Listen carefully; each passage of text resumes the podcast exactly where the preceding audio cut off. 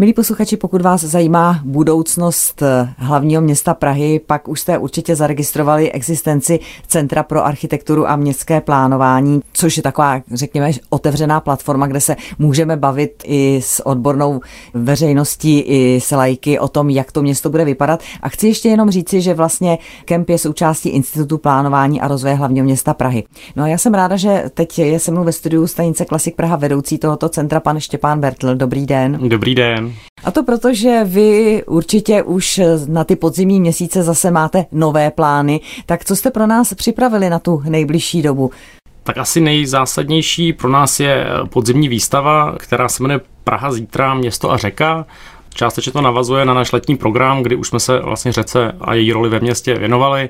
A je to náš způsob, jak obrátit zrak nejen architektů a urbanistů, ale především veřejnosti opět k Vltavě a k projektům právě na řece Vltavě a jakým způsobem změní tvář Prahy.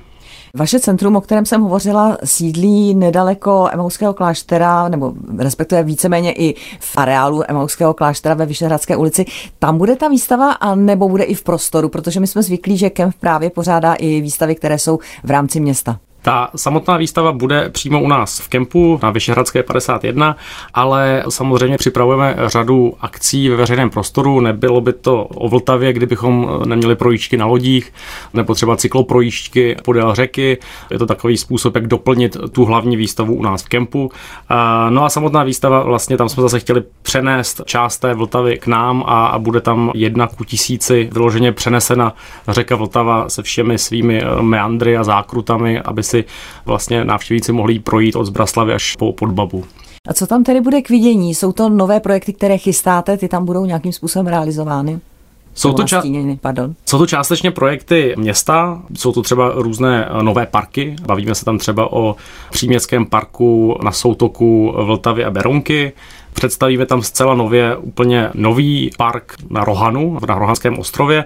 Je to území, které má nějakých 56 hektarů, takže se bude jednat opravdu o výrazné přidání zeleně do města a nebo třeba úpravy na takzvané trojské kotlině směrem v Troji. Tak to jsou ty parkové záležitosti a pak samozřejmě představíme i mosty nové, protože všichni teď vnímáme úspěch nové štvanické lávky a rozhodně to by to neměl být jediný projekt, který překlene tu Vltavu.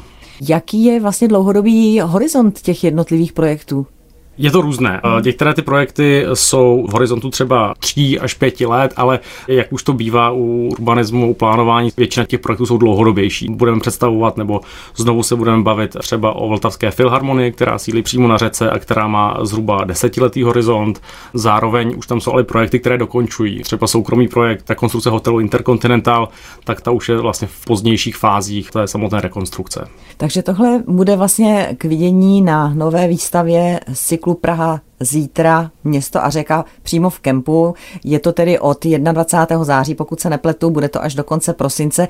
A ty volně instalované objekty, které budou v tom veřejném prostoru, kam třeba se můžeme za nimi vypravit?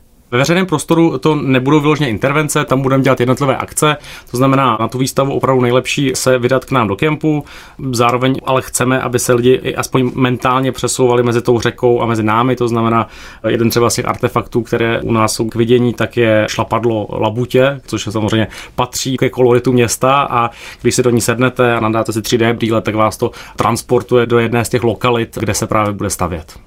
My, než jsme začali natáčet, tak jsme se bavili o tom, že letos je to 100 let od narození významného českého architekta Karla Prágera, takže nepochybuji o tom, že Kemp se tomu bude výrazně věnovat. Co jste k tomuto výročí připravili?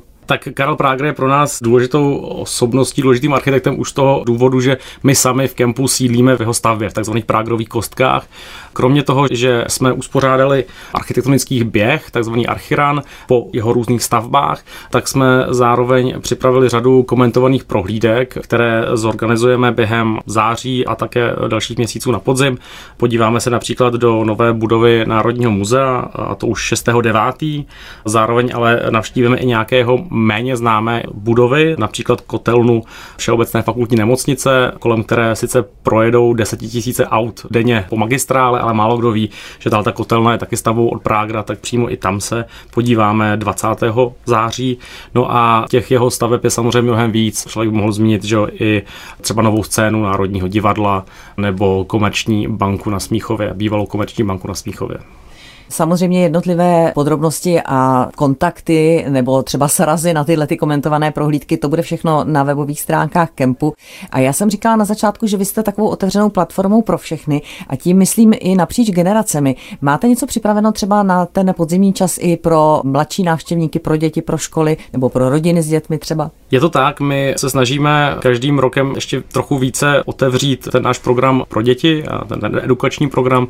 Co se podzimních akcí týče, tak bych zmínil třeba druhý ročník kroužku, kterému říkáme Město ve tvých rukou, a který startuje 5. října a je vlastně zaměřen na ty nejmladší fandy architektury, urbanismu, kteří se třeba zajímají o to, jak město funguje, chtějí se podívat trochu do zákulisí, jak třeba funguje metro nebo jakým způsobem funguje kanalizace nebo různé tyhle ty procesy, které vlastně možná my dospělí ani nevnímáme, ale je za ním spousta zajímavých míst, budov a lidí.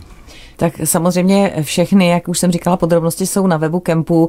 Už jste také zmiňoval, že sídlíte ve Vyšehradské ulici 51, takže každý, kdo se zajímá o rozvoj Prahy a teď také i o ta místa na Vltavě, o kterých jste mluvil, tak doporučujeme, navštivte tento areál a já jsem moc ráda, že s osobní pozvánkou za námi přišel vedoucí Centra pro architekturu a městské plánování, tedy Kempu, pan Štěpán Bertl. Díky za informace a budeme se těšit na vaše další projekty. Díky moc za pozvání. Naschledanou. Naschledanou.